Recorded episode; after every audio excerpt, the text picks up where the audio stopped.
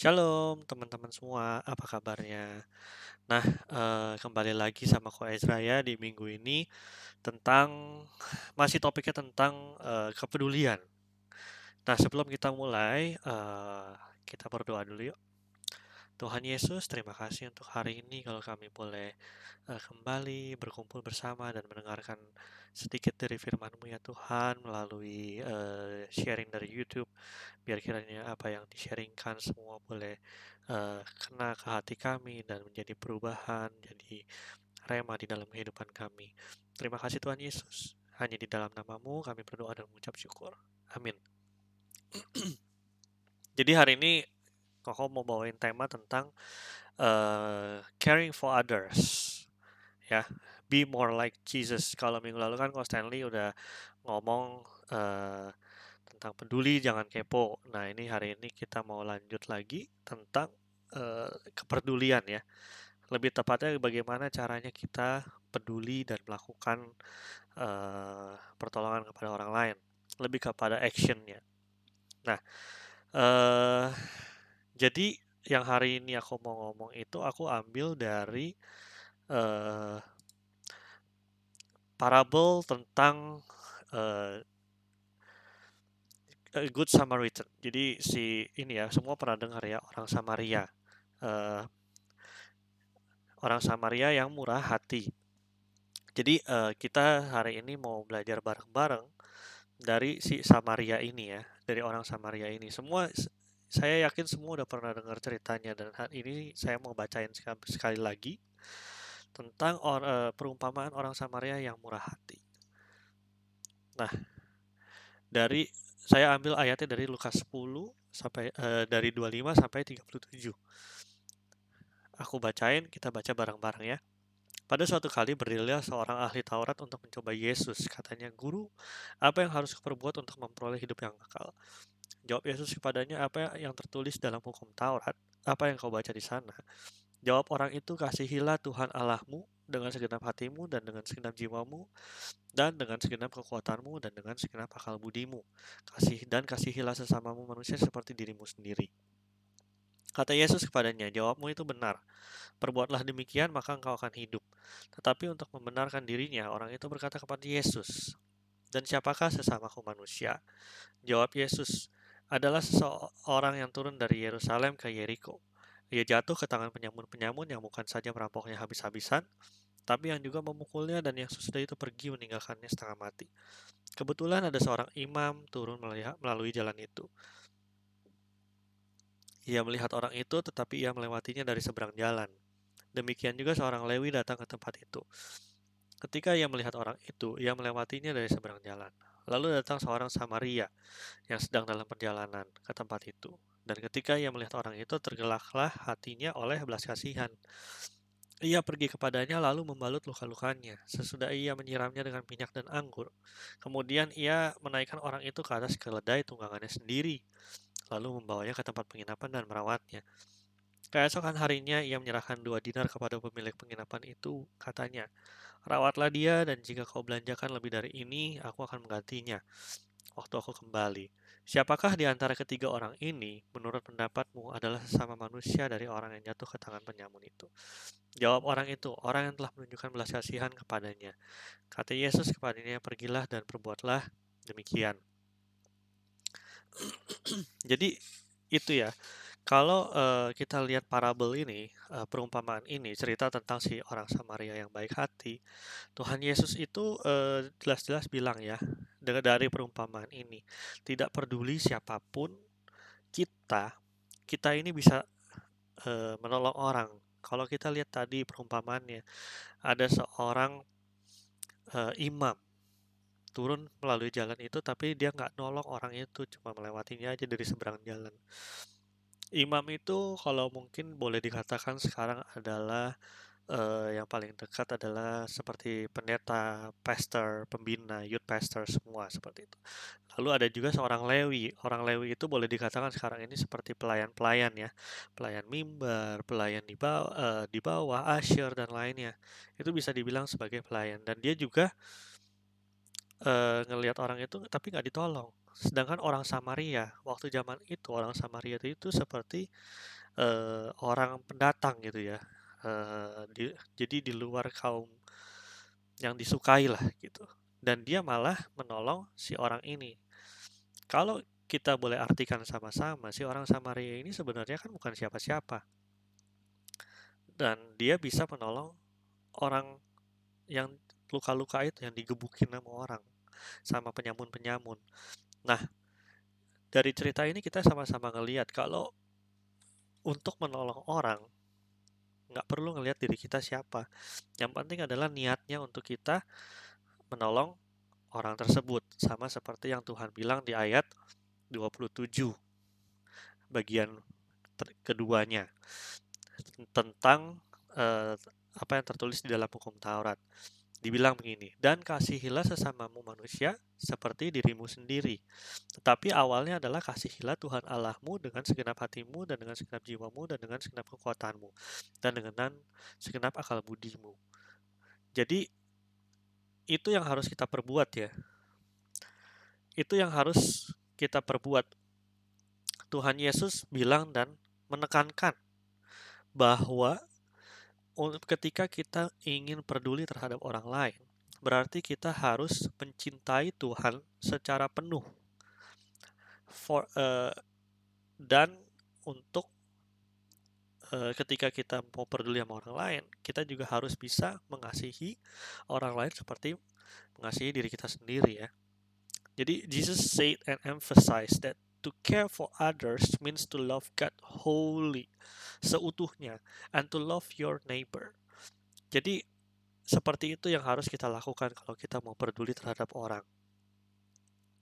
Lalu bagaimana caranya kita bisa peduli terhadap orang lain? Nah ini, kita sama-sama mau belajar ya dari sini ya. Yang hal yang pertama dari ayat yang tadi kita bisa lihat sama-sama. Love the Lord your God.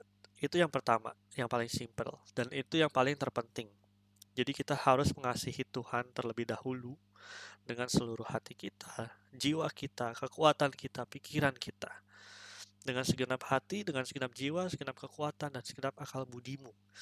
Kalau kita sudah bisa mengasihi Tuhan yang tidak terlihat, yang adanya di atas, yang selalu memperhatikan kita, bisa kita mengasihi Tuhan dengan sepenuh hati kita, jiwa kita, maka untuk kita dapat mengasihi orang lain dan peduli terhadap orang lain itu sangat mudah. Dan itu adalah hal yang terpenting yang pertama, yaitu love the Lord your God with all you have, with all our heart, soul, strength, and mind. And that is the most important thing of all. Itu yang paling penting semua ya. Lalu yang kedua, love people Kasihilah sesama manusia seperti dirimu sendiri. Love others as you love yourself. Itu artinya adalah kalau kita mau uh, menolong orang lain atau mau memperlakukan orang lain, berarti anggapannya kita memperlakukan orang lain itu seperti kita mau diperlakukan oleh orang tersebut. Nggak mungkin dong kita mau diperlakukan secara tidak baik oleh orang lain. Biasanya kita di restoran atau lagi di um, misalkan di restoran atau di cafe kita pasti mau dong dilayani dengan baik ya uh, sama waitersnya di situ. Jadi kita mau pesan makan mereka datang cepat makanan kita keluar cepat makanannya enak terus uh, lebih bagus lagi kalau ada diskon dan lain-lain. Itu kan seperti itu kita mau di treat ketika kita di restoran. Nah seperti itu pula juga kita harus uh, memperlakukan orang dan itu salah satu cara supaya uh, salah satu cara bagaimana kita bisa peduli terhadap orang lain yaitu memperlakukan orang lain seperti kita memperlakukan diri kita sendiri. Jadi uh, da, itu udah yang paling simpel ya pemikirannya. Kalau kita mau diperlakukan baik oleh orang lain maka kita harus memperlakukan baik kepada orang lain. Dan kalau kita mau ditolong orang lain maka kita juga harus menolong orang lain. Makanya Tuhan Yesus bilang Kasihilah sesama manusia seperti dirimu sendiri. Lalu yang ketiga, ini yang terakhir, uh, bagaimana caranya kita bisa peduli terhadap orang lain. Action talks. Jadi apa yang kita lakukan itu uh, terlihat dan tercermin dari kehidupan kita sehingga orang lain bisa merasakan ya. Jadi kita nih mesti keluar kita mesti pergi, kita harus action and do the talk. Jadi apa yang udah kita omongin, apa yang udah kita tahu, hal-hal basic yang kita udah tahu tentang cara peduli tentang orang lain dan menolong orang lain, itu harus kita lakukan. Show the world that we care. Pergi dan tolong orang lain gitu ya. Buktikan kepada dunia kalau kita nih juga peduli pada orang lain gitu. Ya. Jadi uh, that's the third things. How do we care for others? Lalu ini bagaimana caranya kita bisa melakukan hal ini? Bagaimana caranya? Aku bikin jadi empat bagian. Yang pertama seek, yang kedua hear, yang ketiga walk, yang keempat win. Cari, seek itu cari artinya. Kita sama-sama baca di Filipi 2 ayat 4.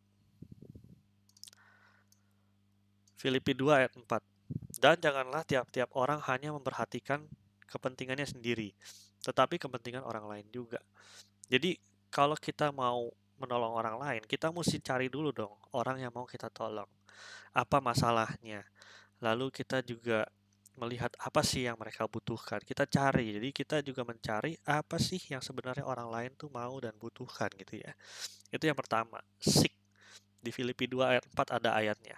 Lalu yang kedua, bagaimana seharusnya kita menolong orang? Apa yang harus kita lakukan? Yang kedua itu mendengar. Kita baca lagi dari Galatia 6 ayat 10. Karena itu, selama masih ada kesempatan bagi kita, marilah kita berbuat baik kepada semua orang, tetapi terutama kepada kawan-kawan kita seiman. Dan kalau dalam bahasa Inggrisnya, so then, while we have opportunity, let us do good to all people, especially to those who are the household of the faith. Uh, dan ada satu ayat lagi di Galatia 6 ayat 2. Bear one another burdens, thereby fulfill the law of Christ. Ini ayat 2 bahasa Indonesianya Bertolong-tolonglah menanggung bebanmu, demikianlah kamu memenuhi hukum Kristus. Jadi ada dua bagaimana eh, kenapa kita harus mendengar. Yang pertama kita harus bertolong-tolong dalam menanggung beban, seperti di ayat 2 dan di ayat 10. Di ayat 10 itu Eh, kita harus berbuat baik pada semua orang. Dan selama masih ada kesempatan. Jadi makanya kita harus menggunakan kesempatan ini yang udah kita cari dari orang lain untuk kita mendengar apa sih sebenarnya keluh kesah mereka gitu ya. Karena kesempatan untuk kita dapat mendengar dapat menolong orang itu kan nggak selalu datang tiba-tiba aja gitu. Bisa aja sih tiba-tiba di jalan ada orang jatuh atau apa lalu kita tolong. Tapi eh, kalau kita lihat teman-teman dekat kita dan lain-lain, mereka tuh sering kali mencari tempat curhat, mencari tempat hmm, untuk bercerita dan itu kesempatan itu kalau datang ya kita harus tangkap gitu ya segera ya. Jadi kita sama-sama membagikan beban, share the burden we hear. Jadi akal ketika kita mendengarkan beban mereka, ketika kita tahu apa yang mereka butuhkan, maka beban itu kita pikul sama-sama dan kita tahu apa yang harus kita lakukan. Lalu yang ketiga adalah walk. Setelah kita mendengar, kita harus berjalan dong. Jadi kita jalanin apa yang kita tahu, yang kita dengar. Supaya kita bisa melakukan actionnya. Setelah kita kita cari sumber masalahnya, lalu kita dengar apa sih masalahnya, kita tolong mereka, kita berjalan bersama mereka. Kita baca lagi di Ibrani 13 ayat 16. Dan janganlah kamu lupa berbuat baik dan memberi bantuan, sebab korban-korban yang demikianlah yang berkenan kepada Allah. Jadi, Tuhan itu senang ketika kita bisa berbagi. Tuhan itu senang ketika kita berbuat baik dan memberi bantuan. Jadi, eh, di sini kita harus benar-benar sama-sama melakukan actionnya. Jadi nggak cuma dengerin, nggak cuma cari orang-orang yang membutuhkan, tapi juga kita melakukan actionnya. Supaya apa? supaya kita bisa memenangkan mereka. Itu yang terakhir, win. Kita baca sama-sama di Matius 5 ayat 16. Demikianlah hendaknya terangmu bercahaya di depan orang, supaya mereka melihat perbuatanmu yang baik dan memuliakan Bapamu yang di surga. Tujuannya kita menolong orang apa? Yaitu untuk memperlihatkan terang kita, memperlihatkan Tuhan kita, Tuhan Yesus, supaya semua orang tuh tahu kalau Tuhan Yesus itu baik dan dia bisa dilihat melalui kehidupan kita juga yang kita menolong orang lain gitu ya. Ketika orang lain melihat kita, terang kita tuh bercahaya di depan orang dan itu udah otomatis ketika kita menjadi anak-anak Tuhan, kita dilihat semua orang. Makanya uh, kita harus banyak-banyak peduli kepada orang lain. Kita cari, kita mendengar keluh kesah mereka, kita melakukan actionnya dan juga yang terakhir supaya kita bisa uh, memenangkan jiwa mereka ya. Dan terang kita bisa terlihat oleh mereka. Nah, ini PR kita semua, nggak cuma kalian, tapi PR saya juga. Kita harus melakukan part kita sekarang. Ini saya pasang gambar help is on the way. Help is on the way for other people. Dan helpnya itu siapa? Kita. Jadi kita sama-sama mau exercise. Uh, saya harap kalian di rumah bisa memikirkan apa yang bisa kita lakukan untuk menolong orang lain. Mungkin kita dari masa pandemi ini kita bisa berbagi. Contohnya uh, kita berbagi masker sama orang-orang yang nggak punya masker, yang kita lihat nggak pakai masker di jalan. Itu salah satu bentuk kita peduli supaya mereka nggak terkena COVID dan lain-lain. Kita peduli dengan orang lain, misalkan kita belum divaksin. Ya kita memvaksinkan diri supaya kita juga nggak menyebarkan virus-virus. Itu bentuk peduli kita kepada orang lain. Atau misalkan uh, kita ada kita ada teman yang lagi susah kita ajak dia eh ayo ngopi yuk gue traktir. Lu ada cerita apa? Kita tolong mereka dan nggak selalu melulu soal kita menolong orang lain itu tentang memberikan hadiah atau apa enggak yang kayak pernah saya bilang bagaimana uh, bagaimana cara kita bisa menolong orang itu ada tiga BMW biaya mutu dan waktu. Ingat tiga hal itu aja dan nanti kita pasti bisa menolong orang. Kalau kita nggak ada biaya kita kan punya uh, waktu untuk orang lain. Kita juga bisa meningkatkan kualitas mereka oke? okay? Ya renungan dari aku hari ini cukup uh, aku harap kita sama-sama bisa mempraktekkan hal-hal yang tadi ya yang sudah dikorbahan dan Uh, semoga semua bisa ngerti, semoga semua uh, mendapatkan sesuatu dari perenungan ini dan sebagai penutup, yuk kita sama-sama mau berdoa. Tuhan Yesus, terima kasih untuk hari ini. Kalau kami boleh uh, belajar bersama-sama tentang kepedulian terhadap orang lain, bagaimana caranya, dan apa yang harus kami lakukan ya Tuhan untuk menolong orang lain. Biar kiranya kami boleh mempraktikkan itu dan kasih-Mu boleh terlihat dari kehidupan kami ya Tuhan dan kami bisa menolong banyak orang ya Tuhan peduli terhadap orang lain di masa-masa sulit ini dan ajar kami terus ya Tuhan untuk mengandalkan Engkau mencintai Engkau se dengan seluruh hidup kami juga mencintai orang lain ya Tuhan Yesus terima kasih Tuhan ajar kami terus Roh Kudus tuntun kehidupan kami dan juga untuk uh, masa depan kami kami serahkan ke dalam tangan Tuhan Yesus terima kasih Tuhan hanya di dalam nama Tuhan Yesus kami berdoa dan mengucap syukur. Amin. Oke, okay, see you guys.